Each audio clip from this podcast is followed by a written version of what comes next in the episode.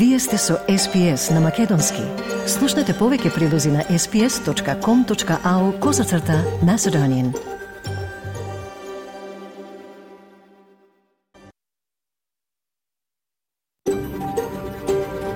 SBS, a world of difference. You're with SBS Macedonian on mobile, online, and on radio. Вие сте со SPS на Македонски, на мобилен, преку интернет и на радио.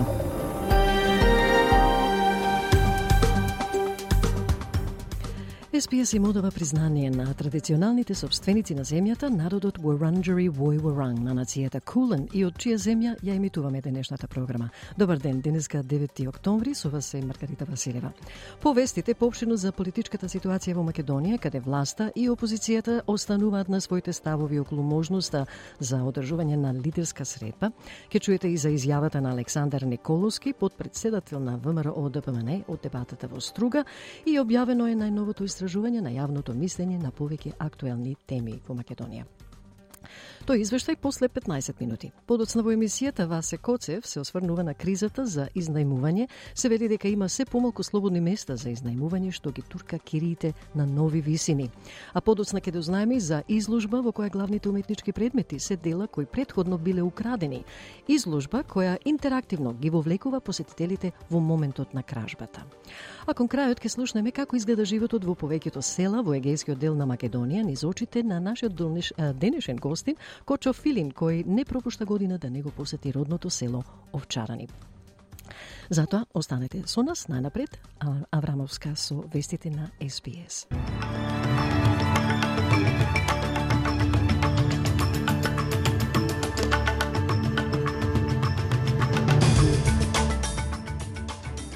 Од денешниот бунтин вести издојуваме. Борбите меѓу Израел и Хамас продолжуваат додека двете страни ги бранат своите действија. Повеќе од 2 милиони австралици веќе го дадоа својот глас за референдумот за домородниот глас во парламентот. Забраната за мобилни телефони во средните училишта во Нов Јужен Велс стапува на сила. Постојано се зголемува бројот на македонски граѓани во Израел кои бараат помош од институциите. Евакуација се одвива постепено, велат од македонското МНР. Земјотресот во Афганистан го отежнува пристапот до храна и вода.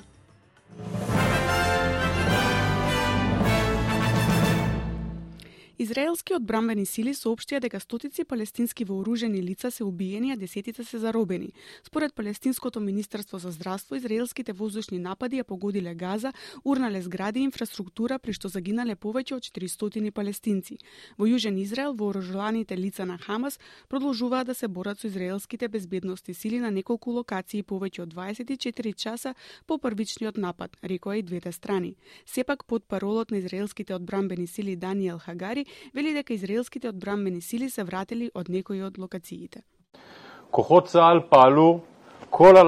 IDF forces have operated all night long in order to secure the area surrounding Gaza, killing terrorists and taking over all locations of fighting. The IDF has managed to secure control over the infiltration points from Gaza and into Israeli territory. The forces have killed on the ground hundreds of terrorists. There is fighting and heroic battles to save hostages, going on even now after it has been going on during the night. During the fighting, commanders and soldiers had fallen in battles and citizens were murdered.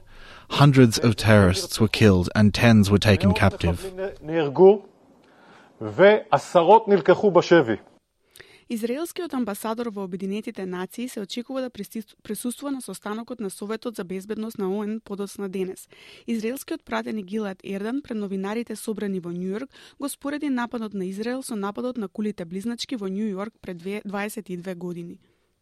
This is Israel's 9/11 and Israel will do everything to bring our sons and daughters back home. These images are horrifying. They are hard to see and they are impossible to fully internalize. Но Хамас тврди дека не цели кон цивили изразува став дека доселениците се разликуваат од цивилите. Говореки на телевизијата Ал Джезира вчера, Осаман Хамдан, под парол на Хамас, вели дека доселениците според интернационалното право не се квалификуваат како цивили и мора да се гледаат оделно. You have to differentiate between the settlers and the civilians. The settlers, according to the international law, they are not civilians. They they attack the Palestinians. they, they in fact shooted against the Palestinians. So you have to differentiate between both issues, the civilians and the settlers. Повеќе од 2 милиони австралици веќе го дадоа својот глас за референдумот за домородниот глас во парламентот. Две истражувања објавени вчера покажаа дека кампањата не се уште води една недела пред денот на референдумот и покрај тоа што една анкета укажува на зголемување на поддршката за гласот во изминатиот месец. Страните да и не ќе ги зголемат напорите да ги придобијат неопределените гласачи пред гласањето во сабота. Премиерот Ентони Албанизи изјави дека гласањето за гласот на домородните народи ќе биде огромна придобивка без никаков труд. Исто така, активистот на Дан Ноел Персон го опиша изборот за референдумот за домородниот глас до парламентот кој ќе се одржи предстојниот викенд како морален избор. Господин Пирсон рече за ABC дека гласањето против би било травестија што нацијата веројатно никогаш нема да ја заборави. Every minute and every hour of the next five days is dedicated to those who have not made up their minds and those who are thinking about the importance of this vote for Australia. My message to them this week is that this is a moral choice for the country. This is not just a question of constitutional law. Но независната сенаторка Лидија Торп се изјасни против гласот на митинг за смртта на домородните луѓе во притвор во Мелбурн изминатава сабота. You are being conned in this country right now. This is only to appease white guilt. This is not about giving us any rights at all. No rights. Премиерката на Викторија, Джасинта Алан, изјави дека нема да се појави на парламентарната истрага која го испитува откажувањето од игрите на Комонвелтот во 2026 година. Истрагата на Горниот дом на парламентот во Викторија не може да ги принуди претениците на Долниот дом на парламентот да се појават, но ги охрабрува релевантните страни да понудат докази. Господја Алан, која беше министерка одговорна за надгледување на сега откажаниот настан во регионална Викторија, вели дека нема да се појави на истрагата и е повеќе повеќе фокусирана на решавање на тековните проблеми во регионите. That's the work I'm focused on, delivering the reasons why we agreed to step in and host the Games in the first place. Building more homes in regional Victoria, investing in community sporting infrastructure, and supporting our tourism and major events in regional Victoria. So, no, I won't be appearing before the inquiry. And can I also say that is uh, consistent with long held practice about what goes on in the upper house is a matter for the upper house. Those of us in the in the lower house will continue to focus on the task at hand. Мобилните телефони нема повеќе да им го одлекуваат вниманието на учениците кои ќе се вратат во училиште, бидејќи забраната за мобилни телефони во средните училишта во Нов Јужен Велс стапува на сила. Јавните средни училишта во државата ќе им се придружат на владините основни училишта во спроведување на забраната за мобилни телефони за време на училишните часови, која ќе започне четвртиот термин. Викторија, Тазманија, Јужна Австралија, Северната територија и Западна Австралија веќе имаат забрани, додека студентите од Квинсленд ќе се соочат со истава забрана од следната година. Австралиската престолнинска територија бара од своите жители повратни информации за можна забрана во училиштата. Министерката за образование на Нов Јужен Велс, Пру Кар, рече дека секој училиште се консултирало со низиниот одел за да одредат како да се спроведе забраната. Правната понуда на поранешната премиерка на Нов Јужен Велс, Гледис Берджиклиан, да ги отфрли на одите дека таа учествувала во корупција ќе биде слушната што е можно побрзо. Господја Берджиклиан ги споредува на одите на независната комисија против корупција дека таа се вклучила во сериозно коруптивно однесување со нарушување на довербата на јавноста и одбивање да пријави тајна врска со незиниот тогашен љубовник либералниот пратеник Дерил Мегвајер. За време на краткото рочиште во апелициониот суд во Нов Јужен Велс, судиката Джули Вард рече дека сака да го одреди дводневното рочиште што е можно побрзо. Рече си 5 милиони австралици ќе добијат бесплатен пристан до нова вакцина против херпес зостер од следниот месец. Вакцината Шингрис обезбедува 10 години заштита и е поефикасна од вакцината која моментално е достапна преку Националната програма за имунизација. Луѓето на возраст од 65 години, луѓето од првата нација на возраст над 50 години и лицата со намалет имунитет и возраст од 18 години и повеќе се меѓу оние кои ги исполнуваат условите за оваа вакцина. Сојузната влада ќе инвестира над 826 милиони долари за реализација на програмата.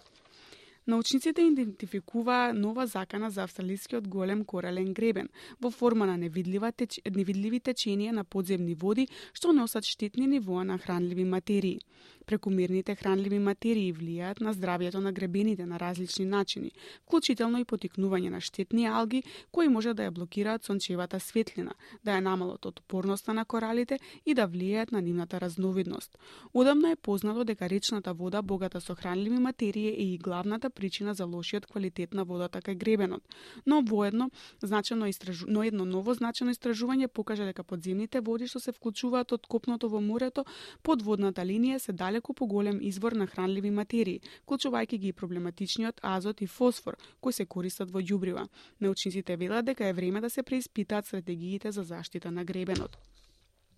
Македонскиот министер за надворешни работи Буја Росмани на својот израелски колега министерот Ели Коен му изрази сочувство за жртвите и последиците при, тој, при тоа осудувајќи ги нападите врз Израел. Од МНР велат, цитирам, од пријавените граѓани, девет туристи кои доаѓаат од Велес и кои во комуникација со нашите колеги од Албанија беа прифатени од специјалниот лет на владата на Албанија за евакуација од Тел Авив. Наскоро очекуваме да слетаат во Тирана, од каде представници од нашата амбасада ќе ги префрлат со организиран транспорт кон дома.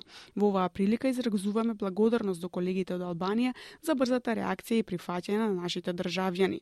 Според проценките на кризниот штаб на територија на Израел и загрозените подрачја се проценува дека престојуваат меѓу 100 и 200 македонски државјани, кои а, Македонското министерство за надворешни на, а, работи очекува да се пријават или да бидат пријавени од нивните блиски во македонските контакт центри.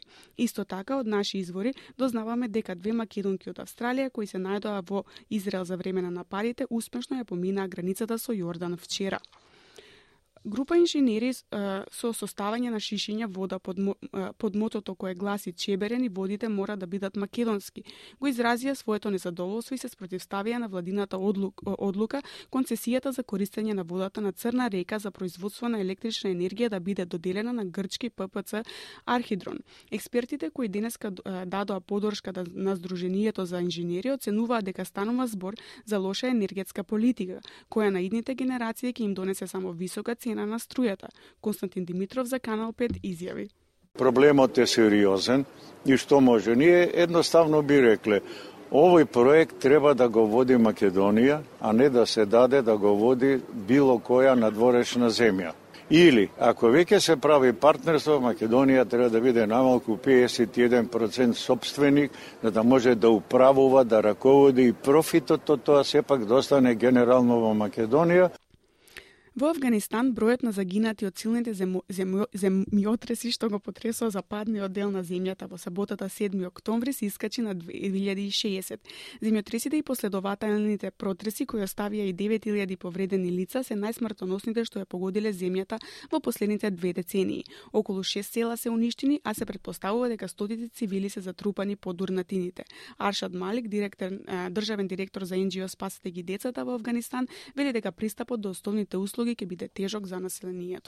Children are definitely vulnerable. As I said, 9,000 families are um, like um, have their more than 9,000 families have their houses destroyed, and children are part of this. Like more than like we believe, thousands of children are vulnerable, and they have been forced out of their homes, and they need immediate shelter, food, and. Од најновата курсна листа денеска, еден австралиски долар се менува за 0,60 евра, за 0,63 американски долари и за 36,82 македонски денари, додека еден американски долар се менува за 57,69 македонски денари, а пак едно евро се менува за 61,06 македонски денари. Од временската прогноза за главните градови утре во Перт повремено облачно со температура до 22 степени, Аделаид сончево 25 степени, во Мелбурн повремено облачно со температура до 17 степени, во Хобарт облачно 17 степени, а пак во Камбера повремено облачно со температура до 22 степени, во Сиднеј можни врнежи од дожд и температура до 22 степени, во Бризбен умерено сончево со температура од 27 степени, во Дарвин можни врнежи од дожд и температура до 34 степени, а во Алис Спрингс сончево со температура до 31 степен.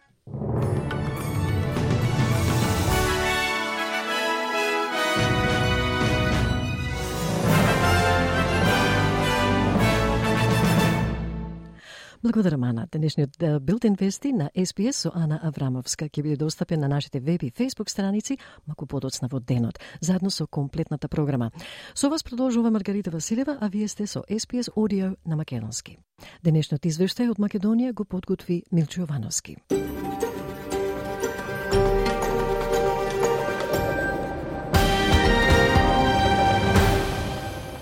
Владата на СДСМ и дуе криминал на најмалку пет земји членки на ЕУ сметаат дека Македонија не заслужува ниту почеток за преговори со ЕУ заради високото ниво на корупција. Позициите и предходно на Грција и сега на Бугарија ќе беа далеку послаби доколку во Македонија имаше функционален систем на владење на правото и доколку имаше реална битка со организираниот криминал и корупција, истакна Александар Николовски, подпредседател на ВМРО ДПМН, на дебатата во Струга а пренесе Алфа ТВ. Верувате, многу поразлично ќе изгледаше проблемот со нашиот сосед Бугарија, затоа што во моментов најмалце пет големи земји членки на Европската Унија, да кажам тука директно не мислам на Германија, но мислам на останатите пет големи земји членки на Европската Унија, мислат дека Македонија не заслужува ни почеток за преговори за членство со Европската Унија пред се заради високо ниво на криминал и корупција и затоа никој не врши притисок врз Бугарија. Власта и опозицијата остануваат на своите ставови околу можноста за одржување на лидерска средба.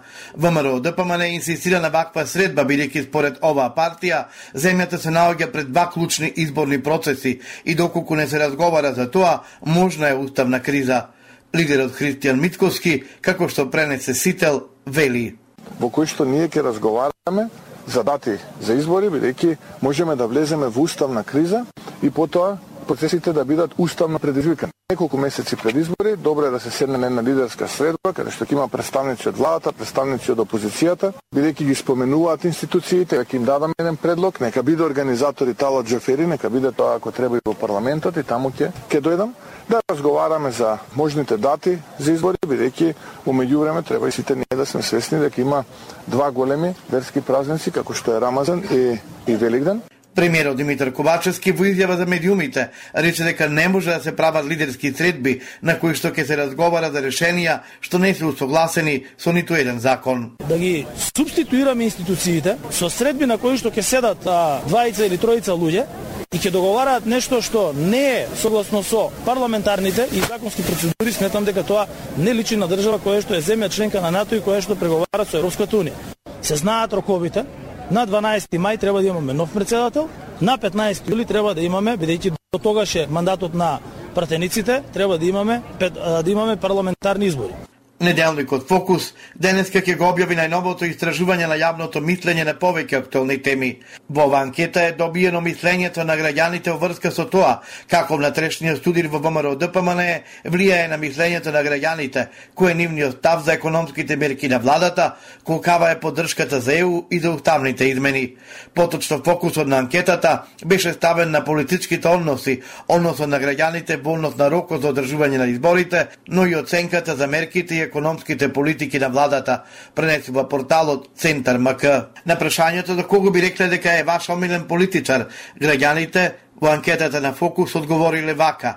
Лидерот на СДСМ Димитар Ковачевски има рейтинг од 12,8. Вендер дан него е поранешниот лидер на ВМРО ДПМН и екс-премиер Никола Груевски со 11,1%. Па потоа следува актуелниот лидер на ВМРО ДПМН Христијан Митковски со 10,5%, па поранешниот лидер на СДСМ Зоран Заев со 7,4%. Иако нема информација кога и како е спроведена анкетата, фокус се сомнева дека рейтингот на Митковски и на ВМРО ДПМН опагел поради судирот со Груевски. После анкетата на Ири, ова е второ истражување кое покажува повисок рейтинг на Никола Груевски во однос на Христијан Митковски, но и во однос на Ковачевски. Иако Груевски има мала предност од 0,6% од аспект на политичка анализа, е вредно за одбележување, пишува Центар МК. Според нарачаната политичка анкета од порталот МКДМК, повеќе од половина од испитаниците сметаат дека ниту една од постојните партии нема капацитет да реализира најдобра економска програма. Сепак, најголем дел од граѓаните имаат доверба дека тоа може да го стори ВМРО ДПМН.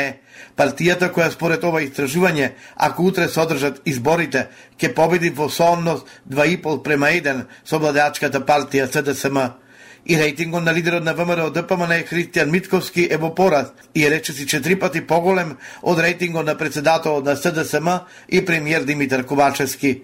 Ова се дел од резултатите од телефонската анкета, проведена на 1200 испитаници од агенцијата Market Vision од 18 до 25 септември, а по нарачка на редакцијата на МКДМК на две третини или 69,7% од испитаниците немаат доверба во ниту еден лидер на политичка партија на македонската политичка стена, додека од оние кои се изјасниле во Христијан Митковски доверба имаат 12,3, во Димитар Ковачевски 3,5, во Димитар Апасиев 3,1 и Вали Ахмети 3,7% од испитаниците.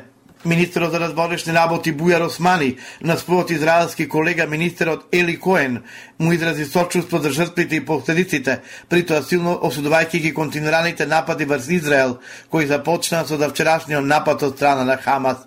Од пријавените граѓани, девете туристи кои доаѓаат од Велес и кои во комуникација со нашите колеги од Албанија беа прифатени во специјалниот лет на владата на Албанија за евакуација од Телавив, наскоро очекуваме да слетаат во Тирана каде представници од нашата амбасада ќе ги префрлат организиран транспорт кон дома. Во оваа прилика изразуваме благодарност до колегите од Албанија за брзата реакција и прифаќање на нашите државјани, велат од МНР. Предходно седум наши државјани туристи кои беа затечени во Витлем, успешно е поминаа границата со Јордан, каде беа прифатени од нашата почесна конзулка. Сега се на безбедно и во наредните денови се очекува нивно упатување кон дома.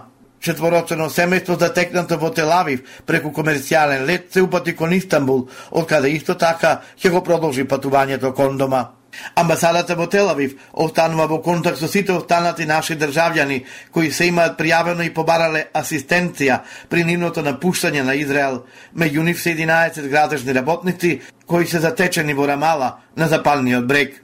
Поред проценките на кризниот штаб на територијата на Израел и загрозените подрача се проценува дека престојуваат меѓу 100 и 200 наши државјани кои МНР очекува да се пријават или да бидат пријавени од нивните блиски во македонските контакт центри. Група инженери со оставање на шишиња вода под мотото, чебрени водите мора да бидат македонски, го изразија своето незадоволство и се спротиставија на владината одлука концесијата за користење на водата на Црна река за производство на електрична енергија да биде доделена на грчки ППЦ Архиродон. Експертите кои дадоа поддршка на Друженијето на инженери оценува дека станува збор за лоша енергетска политика која на идните генерации ќе им донесе само висока цена на струјата.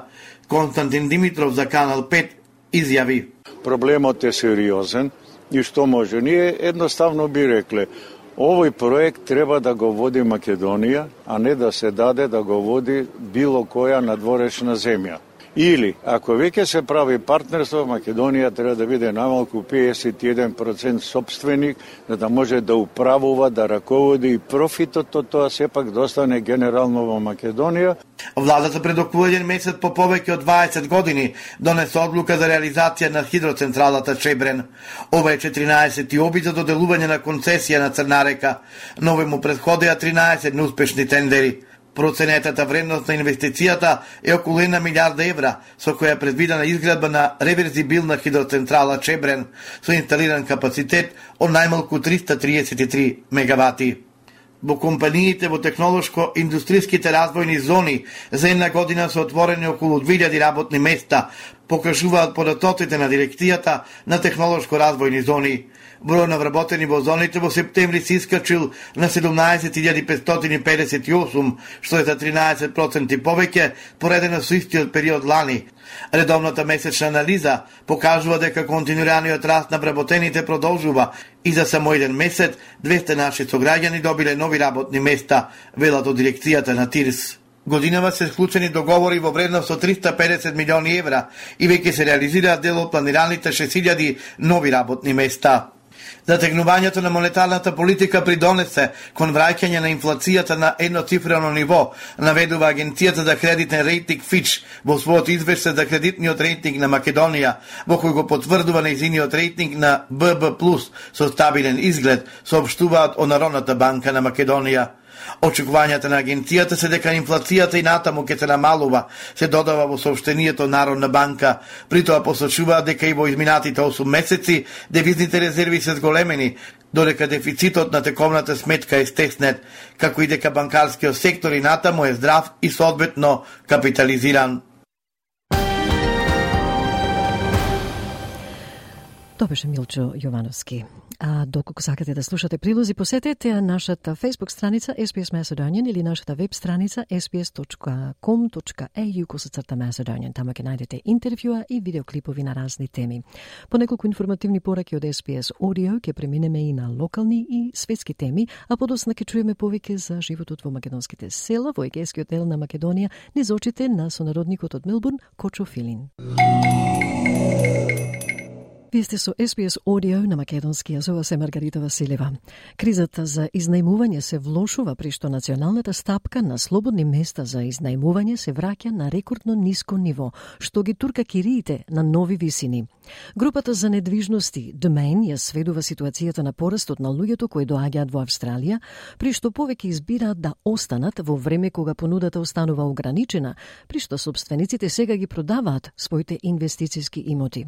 Васе Коцев го пренесува прилогот на Пенри Бакли и Кат Ландерс за SBS News. Националната стапка на слободни домови за изнајмување се врати на рекордно ниско ниво, при што достапноста за изнајмување падна во текот на септемврискиот квартал на 0,8%, што е најниско ниво од март. Тоа ги турка кириите на нови, повисоки цени и во време кога понудата е ограничена, предизвикува инвеститорите да продаваат под притисок на трошоците за живење.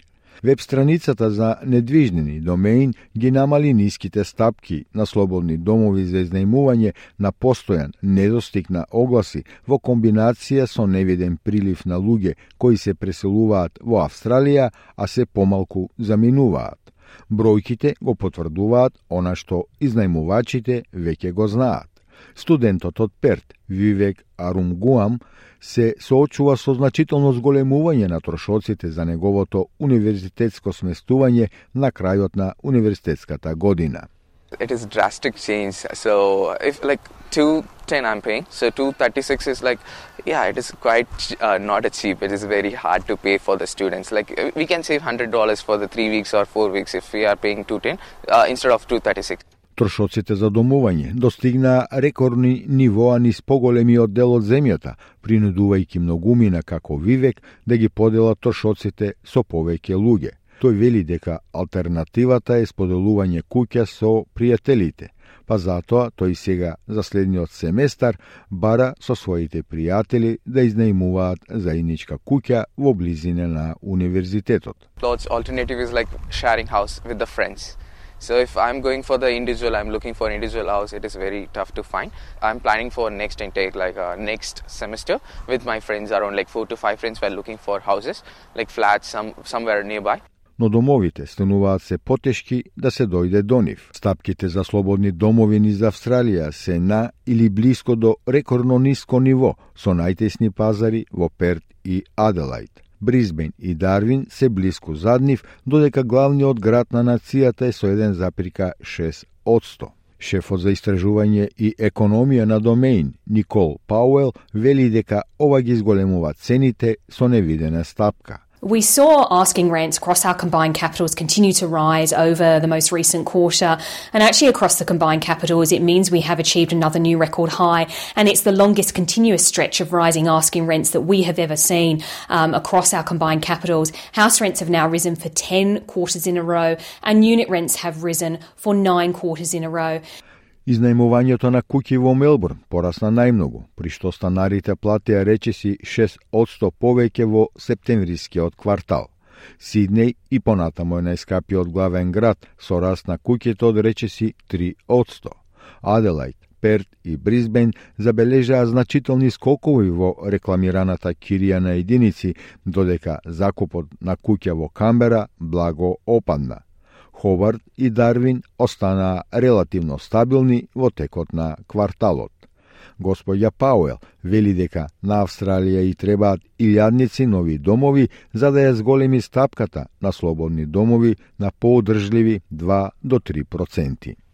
It has been an undersupplied rental market for such a long time. It really is in the realm of a landlord's market. To get a balanced rental market, we need anywhere between 40 to 70,000 additional rentals across Australia. So that is like adding all of the dwellings in the LGA of Newcastle to Australia's rental market, which is no small feat to be achieved. Но многу собственици скокаат од бродот. Инвестицијските имоти представуваа речиси една третина од продажбата во Викторија, Нов Јужен Велс и Квинсланд во јули. Пред пандемијата таа бројка беше меѓу 15 и 20 проценти. Високиот директор на Marshall White Real Estate, Џон Бонджорно, вели дека високите продажни вредности, изголемениот регулаторен притисок врз инвестицијските имоти, оставиле многу собственици да бараат излез. Поред Бонџорно, тоа особено се гледа во Викторија со зголемувањето на данокот на земјата. Particularly here in Victoria, we've seen uh, increases in land tax. We've obviously seen the increases in uh, in interest rates. Uh, we've seen a, a, whole raft of changes to the Residential Tenancies Act over the last 12 months, and primarily the majority of our landlords are just mum and dad investors that have one investment property but they're being pushed out of the marketplace. And again, that's disadvantaging those tenants that are looking for properties and it's forcing rent, rents up. Како што се влошува националната стамбена криза, се чини дека изнајмувачите и собствениците подеднакво губат.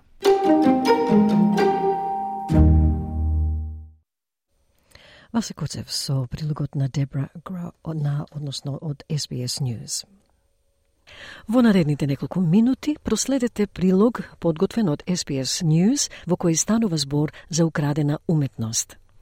Што ако уметничките дела би можеле да зборуваат? Еден музеј во Холандија има нова изложба која раскажува приказни за ограбени предмети преку виртуелна реалност. Тоа значи, на пример, дека посетителите можат повторно да ја доживеат кражбата на квадрига на Бранденбуршката порта во Берлин. Ке дознаеме повеќе од прилогот на Дебра Гроак за SBS News.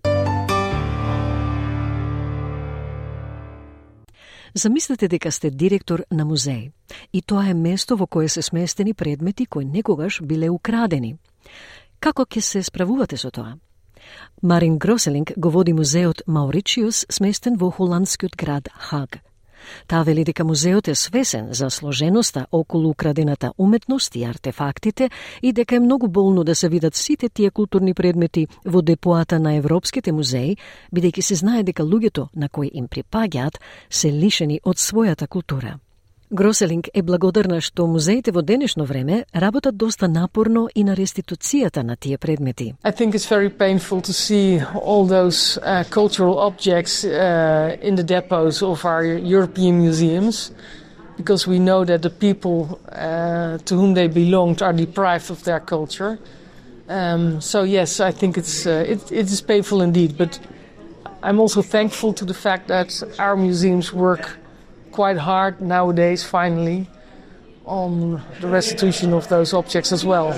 Реституција и враќањето се во срцето на политиките за уметност и антиквитети ширум светот. Реституција е чинот на враќање на некое лице нешто што му било украдено или да му се исплатат пари за загубата. Соединетите Американски држави вратија околу 17.000 ограбени артефакти во Ирак, кои со децении е во центарот на незаконската трговија со украдени антиквитети, но многу предмети остануваат неевидентирани. На церемонија по повод вркјањето на украден артефакт, Стив Франсис од Homeland Security Investigations рече дека процесот на репатриација продолжува.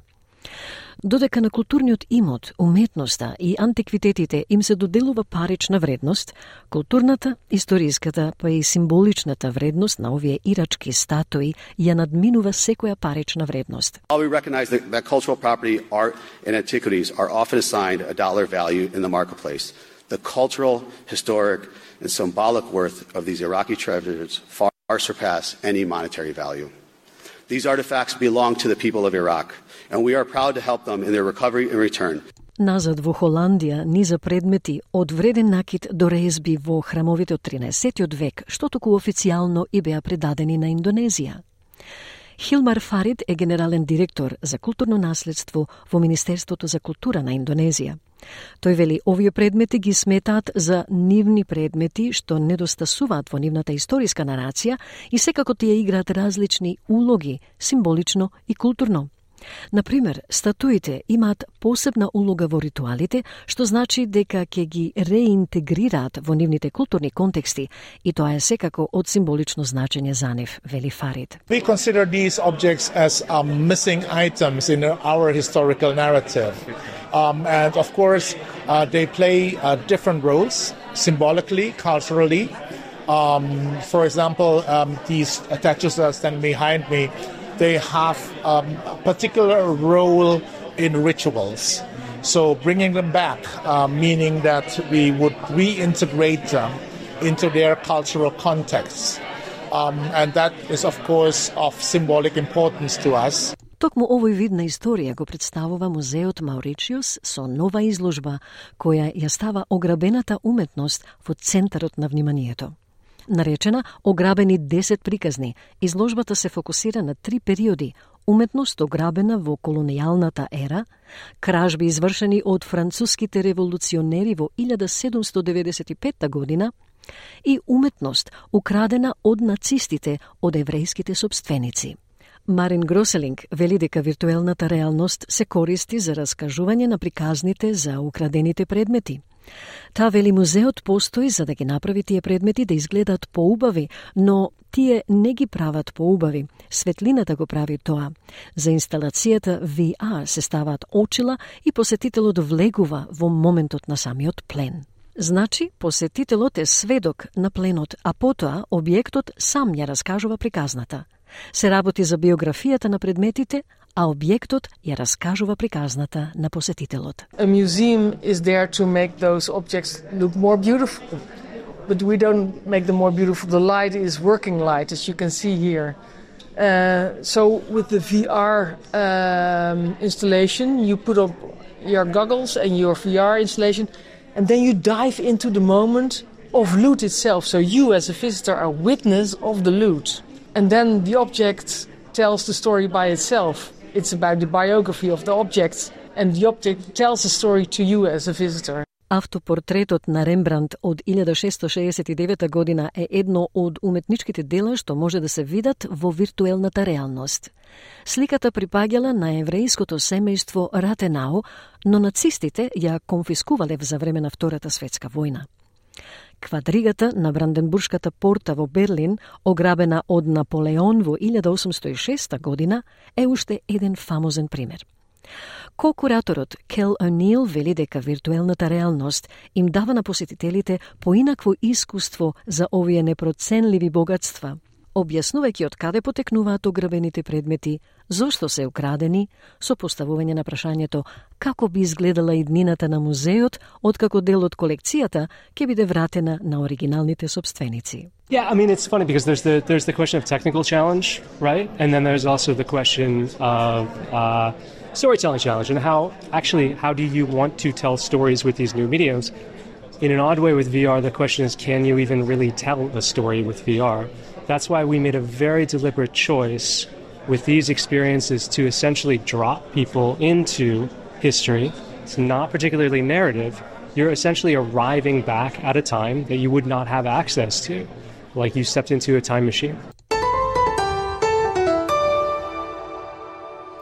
Денешните содржини на македонски на SBS Audio ќе бидат достапни подоцна во денот на нашите веб и Facebook страници. За крај слушнете еден разговор за селата на Егеот од последната посета на Кочо Филин. На SBS Audio на македонски вие сте со Маргарита Василева.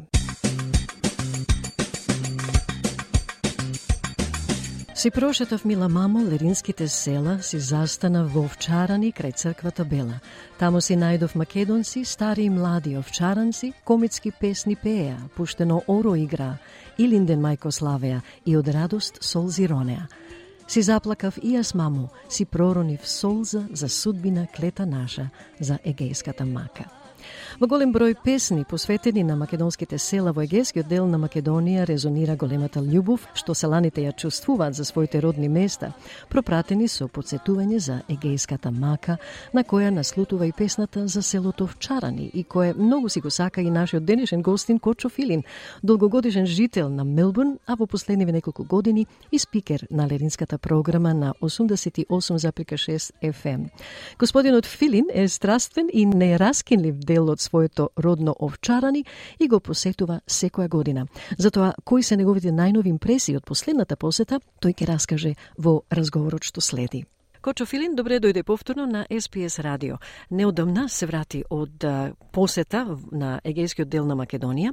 Кој места ги посети овој пат и колку време се задржа во, во тој дел? Добар ден, Маргарита, и голем поздрав на цели македонци што слушаат македонската програма на SBS. Да, се врати сега бргу од стариот крај, се рашета доста во Егејскиот дел на Македонија, во Грција, во Република Македонија отиди, ама можам да кажам повеќе работи за гецио дел на Македонија што беше таму што се рашета. Ти си родом од селото Овчарани. Така, и си роден во селото Овчарани и си одам секоја година која се може, зашто на вистина времината си имат изменато, повеќе слобода, многу слобода, никој не ти веле ништо.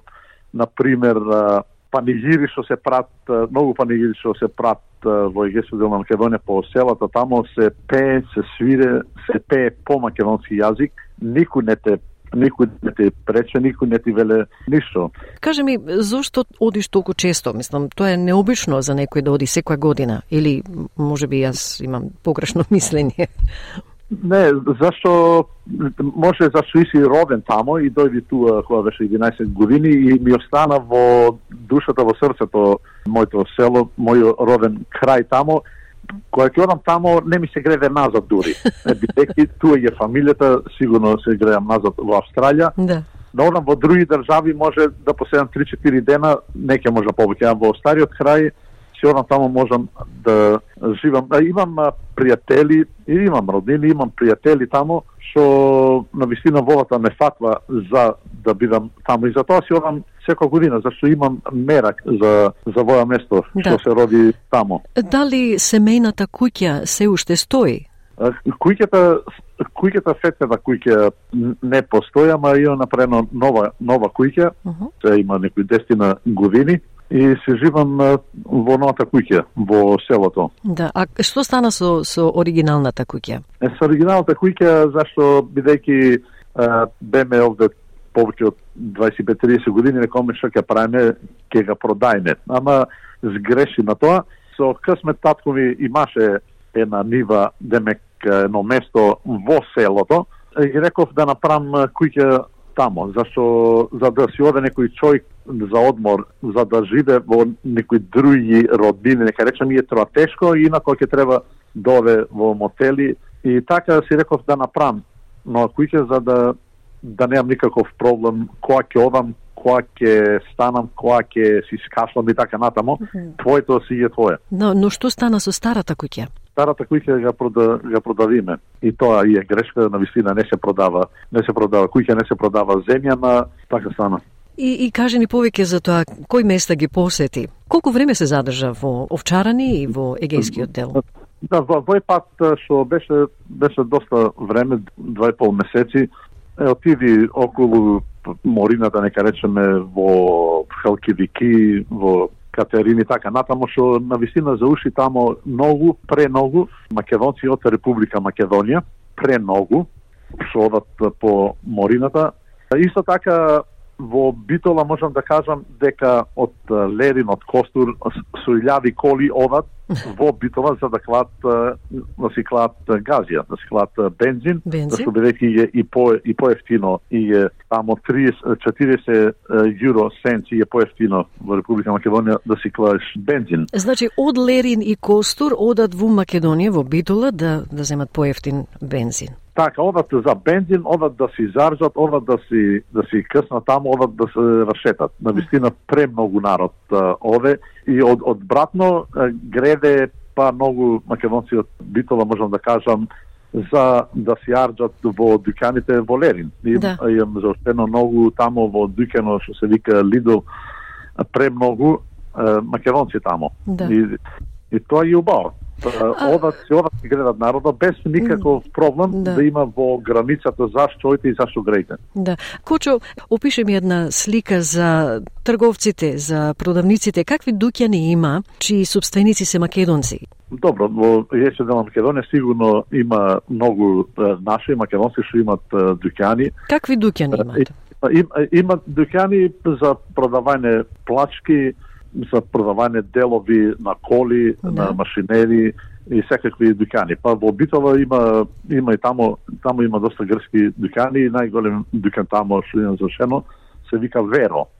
Веро има доста компании што трговијата меѓу Грција и Република Македонија е голема. Е голема. Сета и од препознавањето на македонски јазик од Грција, тоа е уште поголемо поголемо нешто за нас македонците и да можам да кажам дека во Солун ва година од Центарот на македонски јазик во Грција беа присутни во Солун, имаше во Солун една галерија за антирациска галерија се викаше тамо, со нашите македонци тамо од Грција има книги, македонски книги наредени по масите таму во галеријата и тоа е на вистина и е тоа дозволено од државата од Грција. Зашто ако не е дозволено, ништо не е препознато, сигурно не ќе те остат. Ќе те застанат со други зборови. Да, значи ова зборуваме за Солун, така? Да, да, во Солун, во Солун, во градот Солун, mm -hmm. имаше галерија и што се викаше антиратичка галерија, Да. што доста други заедници беа таму и беше и за македонската заедница од Грција, значи. да, представена така, Центар за македонски јазик. И така се менват работите, знаеш, некој пат да си мислам Марилета дека македонецот се авија времена може и се плаше и од од нината сенка. Од нашата сенка се плашем, што времената се мена, нема плашење, нема никој да ти рече ништо. Кога една држава препознава еден јазик, тога да не ти страа од ништо. Зашто препознава народ. Зборуваш за голема слобода, знам како што го опишуваш е, животот сега. Но сепак е, мора да има македонци кои не се така ослободени. Знам дека некои луѓе се уште не можат да зборуваат на македонски, се плашат и го користат само исклучително е, грчкиот јазик. Дали наидена на вакви луѓе? Е, сега пури, е, знаете, зашто бидејќи нема работи, нема работи, сетне што се прави тамо на еден голем пример, нека речеме, ќе оклад, ќе клад некои деца да полицмани, на пример. Добро, е, од нашо село во Овчарени има 32 полицмани. И кога има 32 полицмани, и сигурно ќе ќе застаниш да пееш по македонски, зашто бидејќи твојот син и е полицман и знаеш да не пееш, да не те видат, да не ти стерат. Така е психологијата, ама јас имам видено некои полицмани што и се во грчката полиција, која и се некои панегир, одат и играт и пеат. И помина и тоа, ама страл пак и е тамо, ти веле да не го истерат моето дете од работата и така и го застанат дури и јазикот. Кочо Филин од Мелбурн, родом од селото Овчарани, со неговите впечатоци за егејскиот дел на Македонија од својата последна посета на регионот. Односно, имаме уште еден дел од разговорот со Кочо Филин, кој ќе го емитуваме во една од наредните емисии. И тоа е се за денеска. Ви благодарам на вашето внимание. Доколку имате коментар, оставете порека на нашата Facebook страница. Ве очекуваме повторно утре на SPS Audio за следната емисија на Македонски. Од Маргарита Василева, пријатно попладне и до слушање до утре. Сакате ли да чуете повеќе прилози како овој? Слушате подкаст преку Apple Podcasts, Google Podcasts, Spotify или од каде и да ги добивате вашите подкасти.